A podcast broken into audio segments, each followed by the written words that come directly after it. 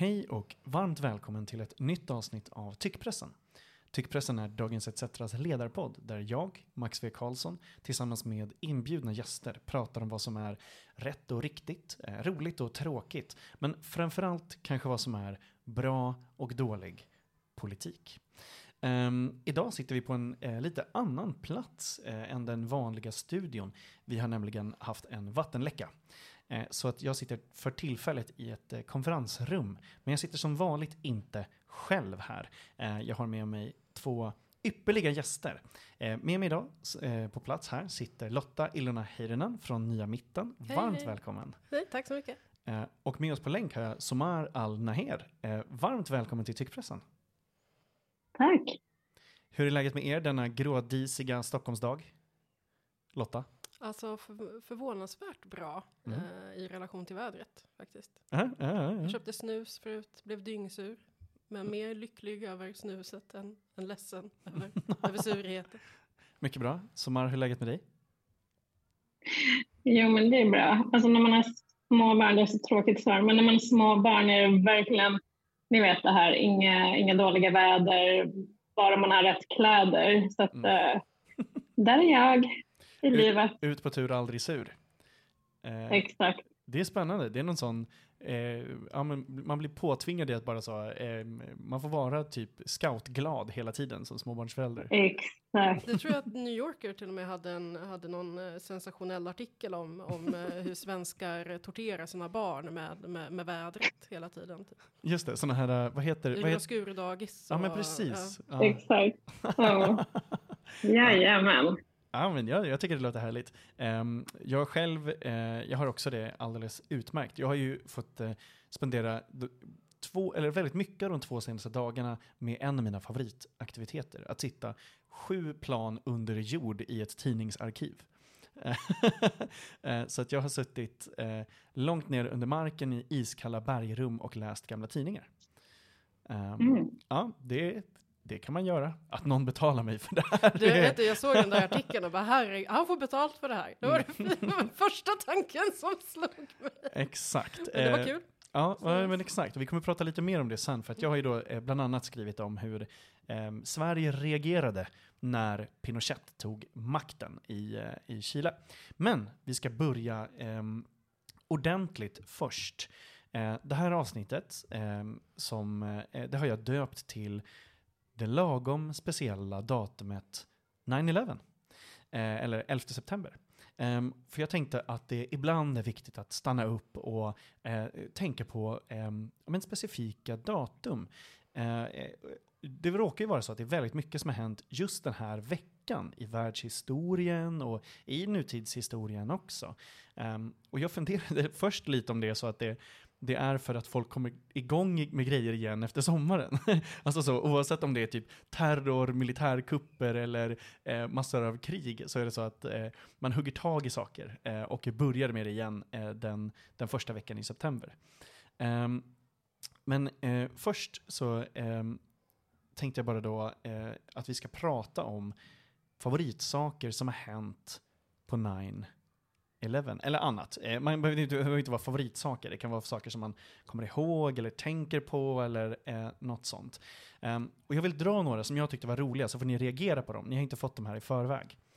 Um, jag är så nervös inför det här Max, så du vet. Alltså bara när jag fick ditt mejl och bara vi ska prata om sånt som är kul på 9-11. Det, var- det här, det här, det här är kort slu, slöt min hjärna lite. Så att, med risk för att jag kommer behöva vara lite Debbie Downer i det här avsnittet. För att det är ändå en ganska tragisk dag i, i folks historiska minne. Men jag är, jag, är, jag, är, jag är nervös och taggad inför den här listan. Ja, ja men vad bra.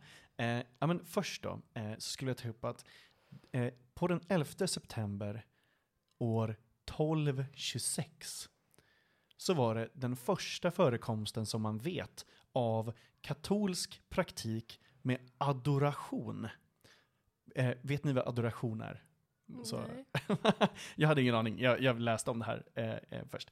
Adoration är alltså första gången som man vet att man inom katolicismen eh, började vörda och tillbe gudar. Alltså aktivt. eh, att man så adore Mhm. them. Eh, det är den första förekomsten som man vet att eh, katolikerna började göra det här. Eh, innan det så, så kunde man säga att de fanns, eh, man kunde så eh, berätta om dem, men man vände sig inte direkt till Gud. Man vände sig inte till de här eh, i den här praktiken då. Eh, Så, när sa du 12? 1226. Mm, ja, ja, jag, vill, jag vill faktagranska det här på ett teologiskt plan bakom kulisserna efter det här Mm. Ja, ja. avsnittet. Ja, men så gärna. Eh, nej, men för att eh, eh, det här var då eh, just inom, inom eh, i katolicismen som man säger att det här är eh, eh, ja, men den första gången som man vet om det i alla fall i så katolsk liturgi. Det tyckte jag var intressant. Ehm, Hej allihopa! Det här är en eh, producentnotering från mig. Ehm, som Lotta sa så eh, kollade jag lite på det här och jag uttrycker mig ju lite enkelt kanske. Det handlar ju om en specifik typ av adoration eller en specifik praktik. Ehm, men det stämmer att det var det datumet eh, och det stämmer att det ehm, det var början på en ny typ av adoration. Alltså det var inte första gången man så tillbad en gud överhuvudtaget i, i katolicismen eller, eller något sånt där utan eh, det var eh, den här, det var början av den praktiken som några år senare, eh, 1264, eh, kulminerade i att man etablerade den här Feast of Corpus Christi, alltså eh, Jesu kropp och den ritualen kring, eh, kring det. Så eh, det stämmer. det var det jag ville säga. Tillbaka till programmet. andra, som, andra saker som har hänt är ju då till exempel att eh, det är eh, det var beläg, eller det var dagen som det på 1700-talet så eh, avslutades belägringen av Bar- Barcelona. Och det gör, eh, eller det ledde i förlängningen då till Kataloniens eh, eh, självstyre eh, Eh, och avskaffandet av detsamma senare. Eh, men det är därför 11 september faktiskt är folkfest i Katalonien. Det är Kataloniens nationaldag. Så folkfest för vissa på 9-11 och eh, stor sorg för andra. Ehm, jag kommer dra några fler sen, men Lotta, 9-11, eh, det här är en sån deppig dag sa du eh, och lite sånt. Vad, vad tänker du på när man pratar om det här? ehm, för vissa då olycksaliga datumet. Nej men alltså det är ju det är ju ett datum som har dykt upp de senaste 20 åren i ganska hög utsträckning om man har, som jag då har en socialdemokratisk bakgrund för att det är ju Mm. också datumet som, som Anna Lind dog i år för 20 år sedan. Eh, så att eh, så i år, alltså 9-11 brukar ju vara mycket minnesstundsbilder i mina flöden till exempel. Alltså Eh, Att folk besöker begra- eh, graven här på, på Södermalm och så. Nu var det ju extra stort i år så. Eh, Jag deltog inte, eh, inte själv. Men, men, och det är ju oftare i mitt liv i alla fall så har liksom samtalet om 9-11 kretsat mer kring Anna Lind. Vart var man då? Hur gammal var man när man fick höra det? Snarare än eh, terrordåden i New York som man väl annars liksom internationellt kanske eller åtminstone i västvärlden förknippade, eh, eh, förknippade mer, mer med. Och det som, och, och det verkar vara samma diskussion egentligen som dyker upp många gånger, vilket jag kan tycka är intressant. Alltså att, att jag var, undrar hur gammal jag var eh, för 20 år sedan, jag vet inte längre, men alltså i nedre tonåren i alla fall och att det liksom, att det skedde, eh, och liksom med mina vänner också, att, eh, att Anna Linds mord skedde i en sån väldigt liksom moraliskt forma, eller existentiellt formativ tid i ens eget liv. Att, att det väckte väldigt många existentiella frågor. Jag har väldigt många liksom, vänner som alla delar liksom, en berättelse av att man typ eh, ifrågasatte till exempel eh, den tysta minuten. Eller liksom att man började diskutera till exempel, med vilka, vilka människor mm, mm, ska, liksom ska, vördar vi och minns vi och varför? Och liksom att det födde väldigt många den typen av frågor i liksom folk som var 12, eh, 12 13, 14 eh, när det skedde. Eh, och, och jag minns det liksom från, från, liksom, från mitt eget klassrum. Så att säga. Inte att jag ifrågasatte just det, men att jag minns det jag minns så himla tydligt från den dagen när jag faktiskt mindre mordet i sig, eh, eller knivskärningen först för att, för att samma dag som Anna Lindh dog så blev en femårig flicka knivhuggen till döds i Arvika av en man som hade flytt från, eh, från eh, psykiatrisk eh, tvångsvård. Eh, och att det liksom, eh, så, att, så att för mig så förknippar jag 9-11 väldigt mycket med just de här två dödsfallen. Den här n- namnlösa femåriga flickan och med Anna Lind. Mm. Ja, jag förstår det. Fy, fy fan, den Arvika-grejen har jag inte ens koll på. Det, ja, eh, och Anna Lind, jag kommer ihåg det till viss del. Um, Sommar, vad, vad kommer du ihåg om, om Anna Lind? Vad gjorde du då? Vart, vart var du när du fick höra om det? Eh, men jag, jag var lite äldre så jag pluggade på högskolan och jag kommer ihåg att uh, det var efteråt att det var, liksom, det var konstig stämning flera dagar efteråt och ingenting, alltså ingenting var som vanligt. Uh, Jag kommer ihåg att för, vi hade en föreläsning men föreläsaren var väldigt skärrad och att det var, ja man fick göra lite som man ville den dagen kommer jag ihåg. Men jag måste bara säga att för mig, alltså, eh, jag, jag tror att den, det fanns, den chocken var liksom lite mer, vad ska man säga, eh, den var lite, lite över flera dagar. För det var Mm. inte, först när det kom, när nyheten kom så var det bara, så trodde medierna att det var en, bara ja, ett anfall, det var inget allvarligt. Det var så det beskrevs först. Mm. Och sen, eh, sen visade det sig att det här var ju en jätteallvarlig knivattack. Så, att, så det var liksom flera dagar egentligen av, eh, av chock väl, var det inte så? Mm. Jo, Som jag minns det i alla fall. Och, pre, Men, och pre-sociala för mig- medier också. Ja, förlåt. Ja, nej, nej, kör, kör. Ja, men, men för mig är framförallt 9-11, som jag minns det, var eh, ja, men såklart när tv sände flygplanen som körde in i tornen New York. Eh, det var liksom aldrig sett något liknande och att man såg det där och då. Alltså, att man var liksom mitt i det, eller framför Mm. soffan i tvn, eller framför tv-soffan, men att man att man bevittnade någonting så stort så hemskt hända i realtid. Och från så många Eh, vinklar. Det, finns, eh, Mm. det är så himla intressant för det finns faktiskt eh, det finns studier och det finns filmer och sånt om att det här var ju liksom en av de första, inte livesända, men massmediala eh, eh, liksom, eh, terrorattackerna på så sätt att eh, av ren slump så råkar väldigt många ha det här på film. För att man filmade andra Mm. saker eller var på plats eller till och med filmade tornen. Eh, och att det här då Eh, det var en tidpunkt rent tekniskt att det var mycket möjligare, möjligare att snabbare skicka de här filmerna eh, Mm. runt hela världen. Man kan skicka det över internet på ett annat sätt. Eh, så att det blev eh, en- en global spridning på ett sätt som många eh, stora dåd inte blev bara några år tidigare. Eh, speciellt jämfört med den första World Trade-bombningen när man försökte spränga samma ställe eh, fast med en bomb då Mm, under i källaren. Mm. Eh, men det är liksom inte alls eh, ihågkommet eh, eller liksom visat på samma sätt. Eh, och även tidigare tragedier. Så det är jätteintressant att du säger Just just det där att, det, att man, kunde, man kunde följa det på ett sätt som man kanske inte hade kunnat göra förut. Och, och, men det måste jag säga också, så att vad som präglade mig med det var någonstans omedvetet började växa en känsla av att eh, men helvete, tänk om de kommer nu beskylla alla muslimer för att Mhm. vara potentiella eh, terrorister. Alltså det var en sån växande känsla. Så att för mig, det året var väldigt präglat av eh, nu är vi riktigt illa alla som har ett arabiskt namn, alla som... Liksom, och, och det intressanta var också då att eh, jag måste bara säga, fram till dess var, kallade inte jag mig för muslim och jag tror inte många gjorde det heller. Det var liksom, muslim var någonting som... Det var ut, vad ska man säga, troende och praktiserande som satt att kalla sig för muslimer. Men, men vi andra, vi, ja, man sa kanske att man var för kulturellt muslim.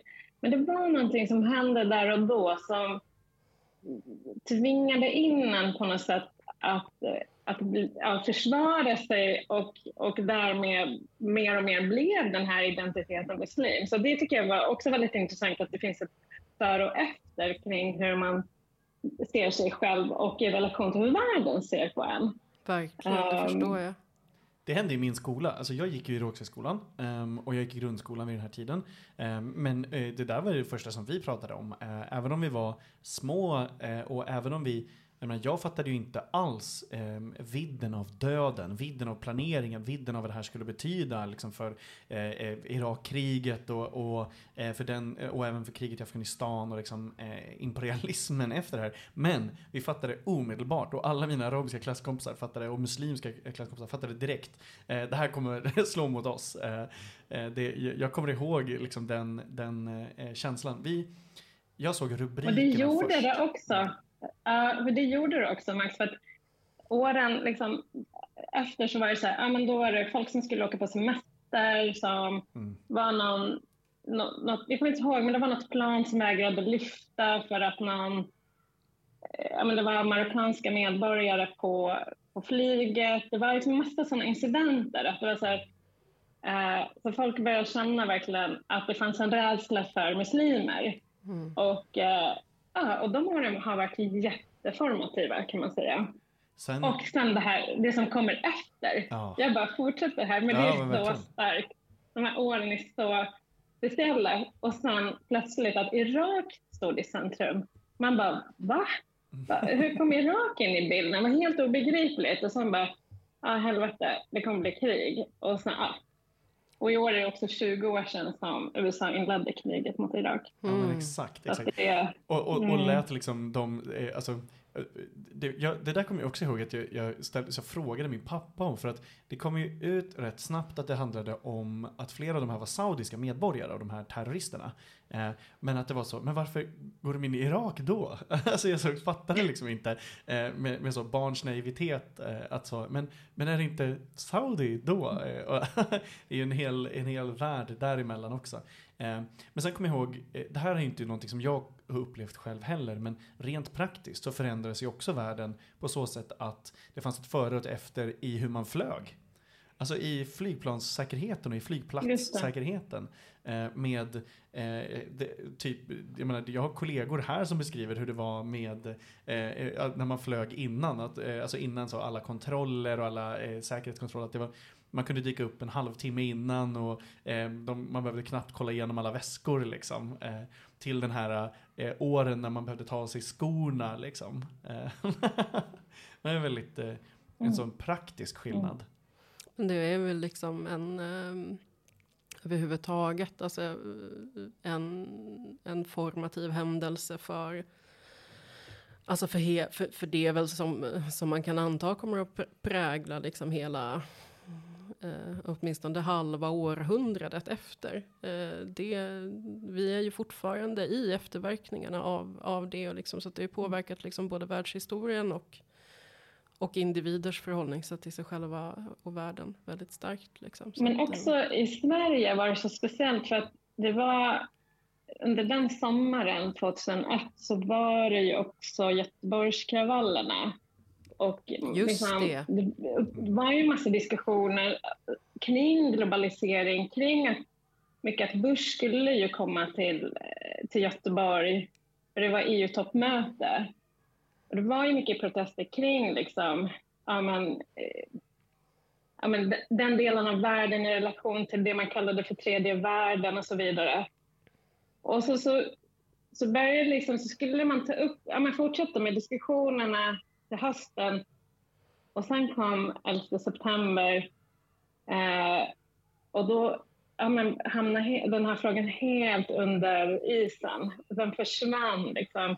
Göteborgskravallerna fick liksom inte riktigt den vad ska man säga, rättmätiga plats eller, eller diskussion. Och det är därför som man nu eh, ja, man var, men efteråt att man har liksom haft behov av att diskutera Göteborgskravallerna. Det, det är också ett sår hos väldigt många, i alla fall som var unga och aktiva då.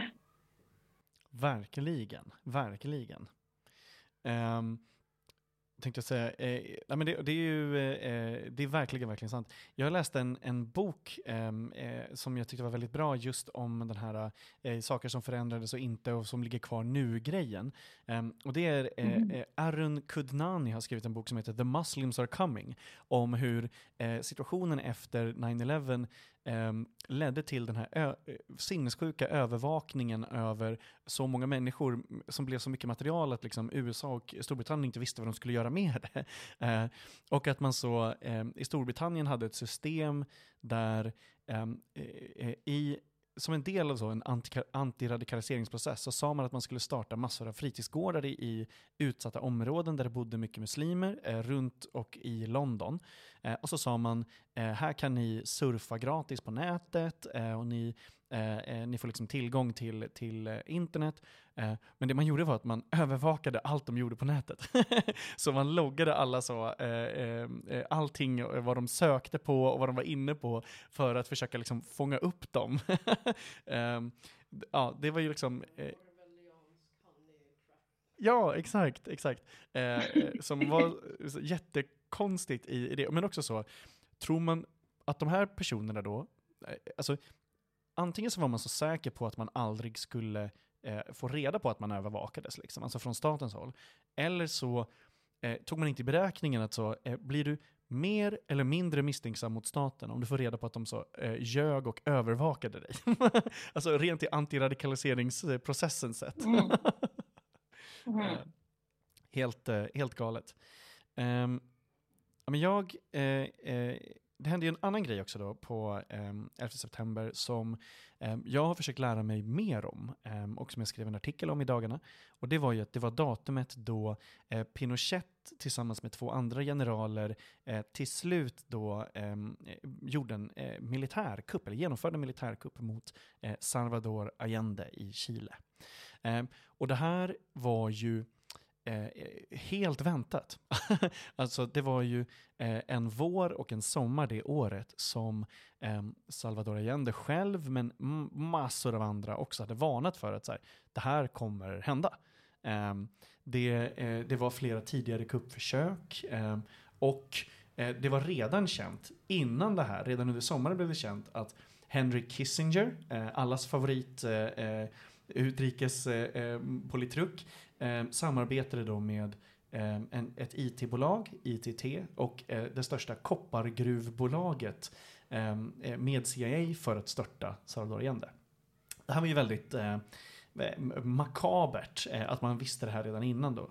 Eh, men det som jag tyckte var eh, intressant nu när jag då satt i arkivet och läste om hur svensk dagspress skrev om det här, det var att eh, jag har inte ens reflekterat över att det tog tid innan man fick nyheterna. Mm. Eh, det som hände när, Allende, när Pinochet tog över, det var att eh, de, först så kapade de alla förbindelser med utvärlden, eh, med omvärlden, och sen så eh, spelade man marschmusik på radio och tv, de statliga kanalerna, i flera timmar. Eh, och sa ingenting, varken till befolkningen eller till andra länder. Man spelade bara marschmusik.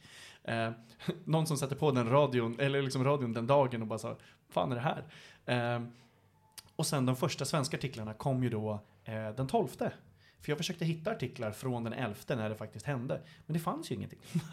eh, I motsatsen Det var till 9/11. efter tryckdeadline kanske. Ja. Också. Ja men exakt, ja, eh, verkligen efter tryck deadline också. Ehm, men att bara så, man fick bara vänta istället.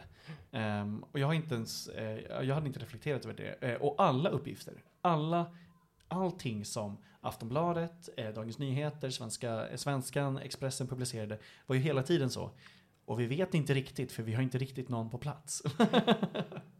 Eh, att det är så, eh, var, måste vara lite mer försiktiga med, med alla saker. Um, och det här har ju jättestor effekt på Sverige såklart, för att det var jättemånga eh, som blev politiska flyktingar hit.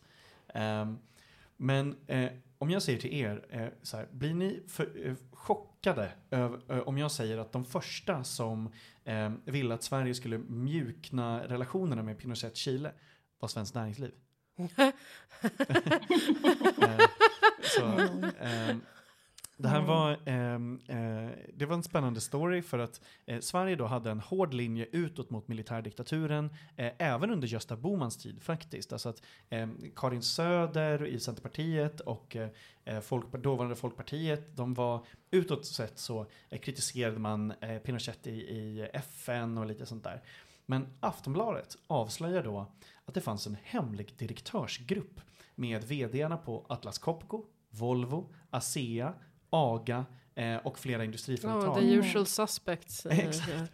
och hemliga möten just, eh, som skulle pressa riksdagsledamöter för att den borgerliga Bohman-regeringen skulle gå med i en utvecklingsbank, IDB. Det skulle innebära att Pinochet skulle kunna låna svenska pengar. Och eh, det här hände. Eh, man gjorde det här då. Eh, det här var ju eh, extremt kontroversiellt. Eh, Norge, gick inte, eller, Norge gick aldrig med och det var, fanns så lite hån från Norge om att så, Sverige släppte garden mot Pinochet. Typ. Eh, men han fick låna nästan 100 miljoner kronor bara några månader efter övertagandet. Eh, och Chile kom, Mm, det här kände jag inte till. Nej, det här är Eh, nytt för mig också. men, och Chile var alltså då, tillsammans med Brasilien och Argentina, så var de eh, de största låntagarna i den här banken, där USA hade ensam vetorätt mot eller för utlåning. Mm. Ehm, Mm. Ja, så det var ju eh, spännande. Eh, VPK och Centerpartiet var emot. Nej, men det, Ja, kör. Ja.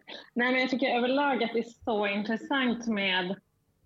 Det är vissa saker som går igen och igen och igen. Eh, Amen. men också så här, företagsintressen och... Eh, men också, och det här är det som är så intressant med Sverige. Å ena sidan en stark socialdemokratisk tradition när man är, varit liksom, men, eh, visat solidaritet med arbetarrörelser runt omkring i världen. Och sen har du också ett näringsliv som har en helt annan linje. Så, och de där två har funnits samtidigt genom hela historien i princip. Alltså där, det var samma sak under Irakkriget, sen var det ju sanktioner mot Saddam Hussein, Mm. alltså FN-sanktioner. Och där stod det ju faktiskt ett antal svenska företag de är inte dömda, men de är väl åtalade eller granskade för att ha brutit mot den där FN-sanktionerna just för att, ja, ni vet. Och så har det funnits lite så här... Bland annat Ericsson som vad också var med i det här. mutat. Ja, nej men exakt. Och Ericsson Ja, var ett av de bolagen var- med telefonnät i Irak och så. Och även här i Chile Mm. de med, eh, eh, ska man säga. Eh, jag, ska jag ska läsa ett citat här från en miljonär och företagaren Assar Svensson som var moderat riksdagskandidat från Västerbotten. Han var moderat lokalpolitiker i Skellefteå. Eh, han säger så här. Så här står det i Aftonbladet. Assar Svensson är glad över kuppen och president, president Allendes död i Chile. Det, det är bra för företagsamheten, tycker han. Citat. Nu lönar det sig åter att arbeta. Svensson är själv direktör med tre gummibolag i landet. Och så kommer ett otroligt citat igen. Nu kan mitt företag i Chile överleva. Militären kommer stötta oss företagsledare, säger han om den blodiga kuppen. Alltså det var Ja, ord och inga visor från den, eh, från den eh, nyhetsjournalisten. Varifrån kom citatet? Eller från, alltså journalisten har ju Det här är, Många- det här är ja, Aftonbladet. många, ja, många nålstick eh, i den. Ja, men shit, vilken, vilken råtta. Alltså. Men snacka om att ta det här, eh, nu lönar sig arbeta, verkligen. Ja. Eh, och på Gotland så var det en moderat som hette eh, Peter Gyllenhammar. Som eh, också var känd då. Eh, eh, och han tog det, nej Patrik Gyllenhammar, förlåt. Och han tog det här ett steg längre ut då. För att eh, han i en intervju, också i Aftonbladet, de var ju duktiga på att hitta de här moderata tokstollarna då som nu. Eh, men eh, i Aftonbladet så deklarerar han att Chile faktiskt inte alls är en diktatur. Citat. Där förs snarast en moderat politik. Jag föredrar ju militärjuntor framför kommunism. Är det inte så Ja, befriande wow. ärligt? Jo, nej men, nej men det är det väl. Och det tänker jag liksom, alltså eh, nu... ja, också så här, nu lönar det sig att arbeta. Ja, det lönar sig absolut att arbeta om alternativet är att bli kidnappad, arkebuserad och nedgrävd i en anonym grav. Men det är liksom fair enough. Mm. Eh, men om man, eh, liksom, om man ska dra parallellen eh, till, men till ja, ursäkta, men, men Nazityskland. Mm, eller, mm, mm. eller snarare hur demokratin Tyskland föll, alltså hur Weimarrepubliken föll. Eh, jag, jag uppfattar ofta en tendens när man pratar om liksom det, det historiska skedet i, i Tyskland, att, alla, att, att det är väldigt lätt så här hundra år i efterhand tro eller tänka eller prata om det som om alla inblandade utom nazisterna liksom var, var demokrater. Eh, och det var de ju inte. Alltså, även om Tyskland var liksom en, en demokrati möjligen i sin linda, men det var ändå liksom Weimarrepubliken var, var en demokrati efter, en, efter att Tyskland hade genomgått en demokratisk revolution så fanns det ju liksom starka politiska där högerkrafter eh, som, som absolut in, egentligen inte ville ha demokrati, utan som hade gått med på det för att de var rädda för det tyska ödet, precis som man var i Sverige. Eh, man såg att man hade minoritet, att det inte skulle gå att upprätthålla den typen av styre som man hade haft innan. Men det gav ju ganska goda incitament för liksom, den tyska högern att gå hand i hand med nazisterna som sa att okej, okay, men hörni, vi, vi vill inte heller ha demokrati. Eh, och i den här naiva tron då att, att de skulle kunna kontrollera den här galenpannan eh, som klev fram eh, och liksom med ett större folkligt stöd än vad de själva hade då. Eh, så att alltså apropå det som Mar sa, att allt bara går igen och igen och igen. Det finns också en Eh. till, tysklings, eh, en till koppling här som är så jäkla rolig bara, som jag måste säga just för att du tog upp eh, eh, liksom tyskvännerna, även, alltså, och även liksom så Nazityskland och så. Eh, tidningen Arbetet eh, avslöjade faktiskt eh, hur Pinochet-regimen hade en eh, frontorganisation i Sverige. Eh, det hette Svensk-Chilenska sällskapet eh, och var, fick betalt av Pinochets regim eh, för att bland annat göra skolmaterial som förnekade existensen av politiska fångar i Chile. Man sa, man har släppt alla faktiskt. Eh, det var så. Men det roliga då att eh, hela den styrelsen kom direkt från eh, Svensk-Tyska vänskapsförbundet och var alltså nazister. Oh.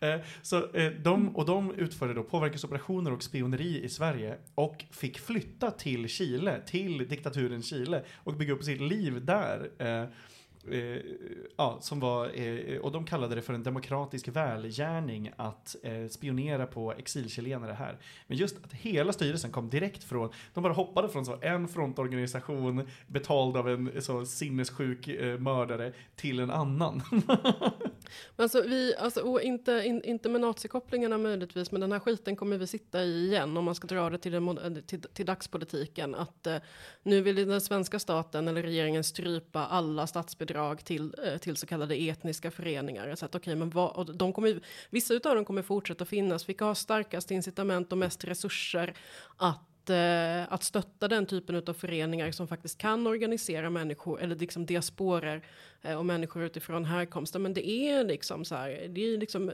eritreanska militärjuntan. Det kommer vara Saudiarabien, det kommer inte vara demokratiska krafter Mm, som vi kommer att släppa in i verkligen. det svenska samhället och ge mer inflytande i liksom i, i, i, i diasporerna. Och det, det är ett sånt, eh, det- är ett sånt liksom demokratiskt skott i foten Ja, som, som Johan Mm. Persson lanserat. I. Ja, verkligen. Och för, för Men- ynka ja, men 19 också miljoner. Simon- Ja, kör Sommar.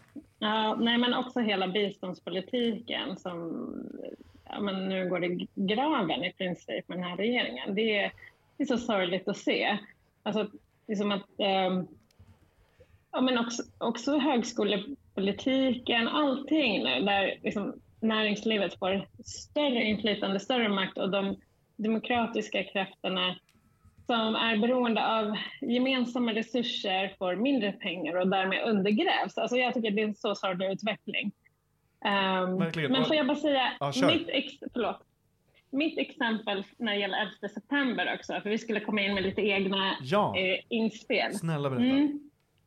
Ja, och den 11 september är också en mörk dag för många syrier. Det är nämligen diktatorn Bashar al-Assads födelsedag. Mm. Det kanske inte så många som Mm. känner till. Mm, Jag kommer mm. inte säga Jag visste grattis i den här podden. Nej.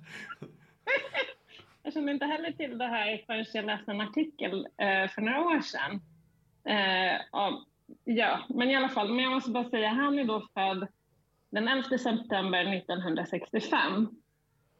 Och i hans fall är det lite lustigt när det gäller också åldern, för att när hans pappa, Hafez alltså dog 2000, då eh, ja, gick det liksom på något sätt naturligt i arv till sonen. Men, men han var ju bara 34 år gammal. Bashar var bara 34 år gammal och konstitutionen i landet sa att man måste vara 40. Men vips så förändrades det där och eh, åldern sänktes för när man får vara president och han blev president. Um, så ja, så numera är 11 september också en sorgens dag för många syrier. Ja, verkligen. Eh, vi ska släppa iväg dig snart, eh, Samar. Men jag måste bara säga, eh, eh, Mm. det var jätteroligt med, med det här eh, att du tog upp biståndspolitiken också. För att även där så finns det en koppling till eh, eh, det här med eh, militärkuppen i, i Chile. Det var ju nämligen så att Sverige hade eh, u-hjälp till Chile eh, under Allendes tid för att han fick inte låna pengar av IMF. Så Sverige lånade drygt 20 miljoner om året, eh, eller gav 20 miljoner om året till eh, Chile. Eh, vi hade statssekreterare som åkte dit och sa att att inte ge u-hjälp till Chile, då allierar man, Sverige sig med kapitalintressen och det kan man inte göra. Det sa statssekreterare under den här tiden. Men det här kapade man då direkt när kuppen skedde. Och då kommer inga mindre än Svenska Dagbladets ledarsida in och kritiserar det här. Eh, de kritiserar att man drog undan eh, biståndet för att eh, de menar att man måste vara försiktig och se vad den nya regimen vill innan man faktiskt avgör om de har brutit mot det eller inte. Eh, ansvarigt statsråd som drog, drog undan biståndet var ingen mindre än Alva Myrdal. Nämen. Det var liksom, eh, det är så, eh, historiens karaktärer eh, dras till den här storyn och just till Sverige. På samma sätt var Mm. Gösta Bomans eh, ansvariga statssekreterare för Chile och för eh, politiken man skulle ha mot Pinochet. Det var ingen mindre än en svinung politisk sekreterare, Carl Bildt. Eh, det, det är så. Eh, Sitter ja. han vittne i den där Lundinrättegången nu apropå att eh, allt förändras och allt står still? Liksom. Mm. ja, verkligen. Eh, vi ska släppa iväg Men dig. får eh, jag ge, Ja, kör. ja, och ska bara köra då ett tips som till, till, Till alla lyssnarna. lyssnare, exakt. Alltså jag tycker, ja, nej men jag tycker att eh, P3-dokumentären om Harald Edelstam från, ja den är från 2008, men den, den är så jäkla bra. Jan Sandqvist var utrikesreporter i Latinamerika och när Harald Edelstam blev ambassadör där så sa han välkommen i Chile händer ingenting, här är så lugnt. eh, och sen så kommer jag inte ihåg hur lång tid efter som, alltså hur lång tid han, han sitta, men, men sen kom ju kuppen ganska snabbt därpå. Eh, och, han, och Edelstam hamnade mitt i liksom, dramatiken. Eh, men i den här dokumentären så får man också höra lite om att alla var inte riktigt glada för Edelstams eh, arbete. För Edelstam såg till att, eh, jag tror att det var runt tusen chilenare som räddades undan döden. Men en del tyckte ju att Sveriges svenska ambassadörer ute i landet ska eh, främja näringslivet, främja svenska intressen och eh, ge en, ja, främja Sverigebilden. Och att rädda chilenare undan döden, ja, det är inte riktigt vad en ambassadör ska göra, tyckte många då. Och att han... Eh, och att ett problem blir också att, ja, okej, men om Pinochet blir nu eh, den som leder landet, ska vi göra oss ovän med honom? Hur blir det då för de svenska intressena? Så att det, det, det blir så intressant här att Edelstam var liksom, vad ska man säga, han bedrev den här humanistiska linjen. Han har blivit Men hjälteförklarad i, nej men exakt, han har blivit hjälteförklarad i efterhand. Exakt, eh, som många Exakt. sådana, men liksom han var hatad av, av jättemånga av de här och, och det fanns avgångskrav läste jag i, i de här svenska artiklarna mot honom och eh, det fanns Mm, krav på att man mm. skulle kalla hem honom och, eh, eh, och även då krav, alltså det, även Chile var ju, var ju, eller hatade ju honom såklart. Alltså, eh, det finns Mm, till och med, det mm. finns till och med eh, berättelser om att eh, det kan ha varit så att, att man planerade kupper mot honom och så också i det här. Eh, Ja, och det är helt otroligt att han inte är mer känd i Sverige eh, för de Verkligen. gärningar han har gjort faktiskt. Så det, och jag tror att det handlar väldigt mycket om att han blev eh, otroligt kritiserad och hamnade liksom i, han, han blev lite, vad ska man säga, eh, problematisk. Ja, alltså han betraktas vara lite problematisk, men han räddade liv. Men jag tror, eh, men, men det, allt det som du nämnde Max, det tycker jag också blir så tydligt i hur man behandlade eh, Harald Edelstam. Mm. Ja, verkligen. Han var den första Aftonbladet citerade faktiskt. Eh, och han var väldigt skakad i de här artiklarna. Eh, han, eh, eh, han, han beskrev det här kaotiska läget. Eh, för de hade fått tag i honom omedelbart då. Eh, det var ju, och även han beskrev hur eh, eh, man visste att det här mer eller mindre skulle hända. Men att det inte just det datumet och, och sådär. Ja, galet. Men sen, ja, och en sista sak är ju också att man får inte heller glömma att Le, vad heter han, Leonardo Henriksen. Precis, Leonardo Henriksen. Mm, han var ju, det är nog många som känner igen, jag har säkert sett den här bilden av någon som fotograferar, filmar och blir skjuten. Eh, och det, det är då svensk-argentinska fotografen som var på plats. Och, och, och Det är så otroligt Eh, intressant att du tar upp honom, ja. för att jag hade ingen aning om honom innan Mm. researchen för, för min artikel. Eh, jag, hade, jag hade aldrig hört om honom tidigare, men jag har sett den här filmen. För att det som hände var ju att Mm. han, han, hade, han hade filmat eh, för Rapport, eh, han var fotograf åt Rapport, och han hade filmat 22 kupper i Sydamerika eh, eh, totalt då innan det här. Eh, och han var där, eh, bland annat med Jan Sandqvist. Eh, Jan Sandqvist säger ju att han, han dog i hans armar. För att han, Mm. han, han hade en gigantisk kamera och så säger då militärerna att man tyckte att det såg ut som ett gevär. Så att han blev skjuten. Och den här filmen, eh, aktuellt spelar den då två veckor senare, eh, något sånt, en eller två veckor senare. Och den visades i alla länder över hela världen. Den visades överallt. Den blev så pre-viral, viral. Eh, eh, och Mm. det, det var ju väldigt sorgligt för det här var ju två månader innan, eh, typ två månader innan eh, faktiska kuppen ägde rum. Eh, och två veckor senare så skulle han ju ha åkt till Sverige för första gången. För att han hade aldrig varit här. Han hade en Mm. svensk far men han hade aldrig varit här. Ett till Mm. sånt livsöde som, det här är varför jag älskar arkiv, för att man får dyka ner i så och, och möta sådana livsöden och karaktärer som ehm, eh, spelar ett enorm roll men som man bara inte, ja, jag hade ingen aning om. Också så jäkla mörkt. Ah, ja, ja, nattsvart. Ja. Nattsvart. Mm. Men det är också, det är så, man tänker ibland så här, Sverige är ett litet land, Mm. men, ibland, men, men ibland är världen så jävla liten och att Sverige har varit så centralt i, när det gäller militärkuppen i Chile. Mm. Och Irak, om jag ska få avsluta med någonting positivt. Alltså Irak, Sverige har spelat jättestor roll för, för iraker och har varit liksom ett, ett hem för många politiska flyktingar. Ehm, så, och det var ganska intressant. Jag kommer ihåg det var jättestora demonstrationer mot Irakkriget 2003. Det var jättemånga chilenare på demonstrationer, jättemånga chilenare som var aktiva och engagerade. Så det var ganska fint att se också att det är liksom, ja, men, den här globala solidariteten på något sätt. Den Jag får man måste- inte glömma heller. Nej, jag måste också kasta in en, eh, en, ehm, en, en, en fin sak eh, liksom med när Sverige på något sätt blir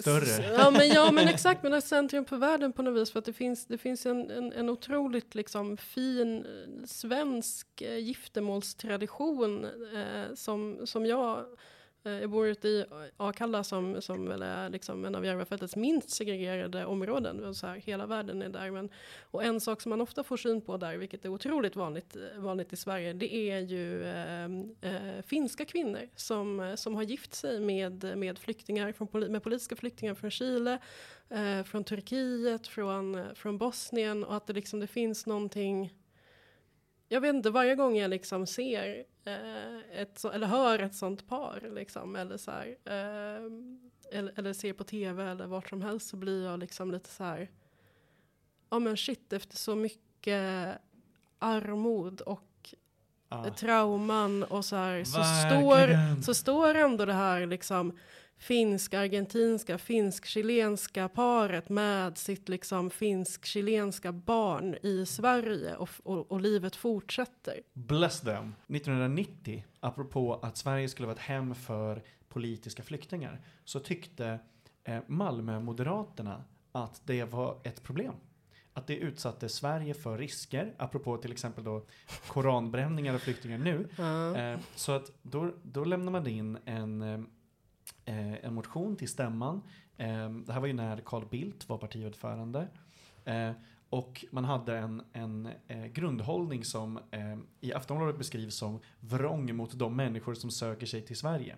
För det man sa var att asylflyktingar bör förpliktigas att i Sverige ej återuppta den politiska kamp från vilken de flytt.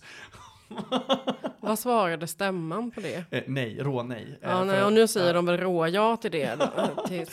Det är så intressant för det betyder till exempel att exilchilenare inte hade kunnat få, eh, då, alltså på, eh, först konstigt då, hur man tänker sig att man ska reglera det här. Alltså i något avtal där man säger så att du får inte kämpa för de här frågorna eller någonting. Eh, så byråkratrasism. Ja. Eh, eller då, eh, eh, ja jättekonstigt, men det betyder att chilenare till exempel inte skulle kunna få arbeta mot Pinochet-regimen och Mm. militärjuntan. Eh, eller sydafrikaner och apartheid. Nej. Eh, hade inte gått heller då. Eh, det, det hade liksom inte funkat. Eh, alla de som eh, kämpade för ett demokratiskt Polen Mm. i Sverige mot diktaturen i Polen. Det hade man inte fått göra. Mot Sovjet. Alla balter mot Sovjet liksom. Det, det hade liksom inte funkat. Och det här var ju då ingen liksom alltså Moderaterna, Skåne, eller Malmöavdelningen och Skåne är ju inte en obetydlig del av partiet. Jag, eh, jag tänkte att jag ska försöka hitta den här faktiska motionen och se Ja. vilka som skrev under den och så. Men Med det sagt, mycket skit händer i Skåne i nästan alla politiska läger. Ja. Ja, och att en motion såklart till en stämma inte är att så likställa med det partiets politik eller någonting. Alltså det menar, då hade vi ju, då hade alla varit eh, väldigt, väldigt cancelled. Det är Eh, intressant att liksom regeringen idag är värre än, än, vad, än vad Moderaterna i Skåne var 1990. Då. Verkligen, verkligen. Ja, eh, vi ska börja runda av här. Mm. Eh, tusen tack för att ni lyssnade eh, och Tyckpressen är tillbaka redan nästa vecka. Hej då! Ciao! Hej då. Visste du att 90% av medierna i Sverige är borgerliga? Samtidigt har extremhögern byggt upp en hel pamflett av propagandasidor. Dagens ETC är dagstidningen som ger hopp och ryggrad att stå emot den blåbruna sörjan. Sveriges enda röda dagstidning för en grönare värld. Testa att prenumerera idag på etc.se.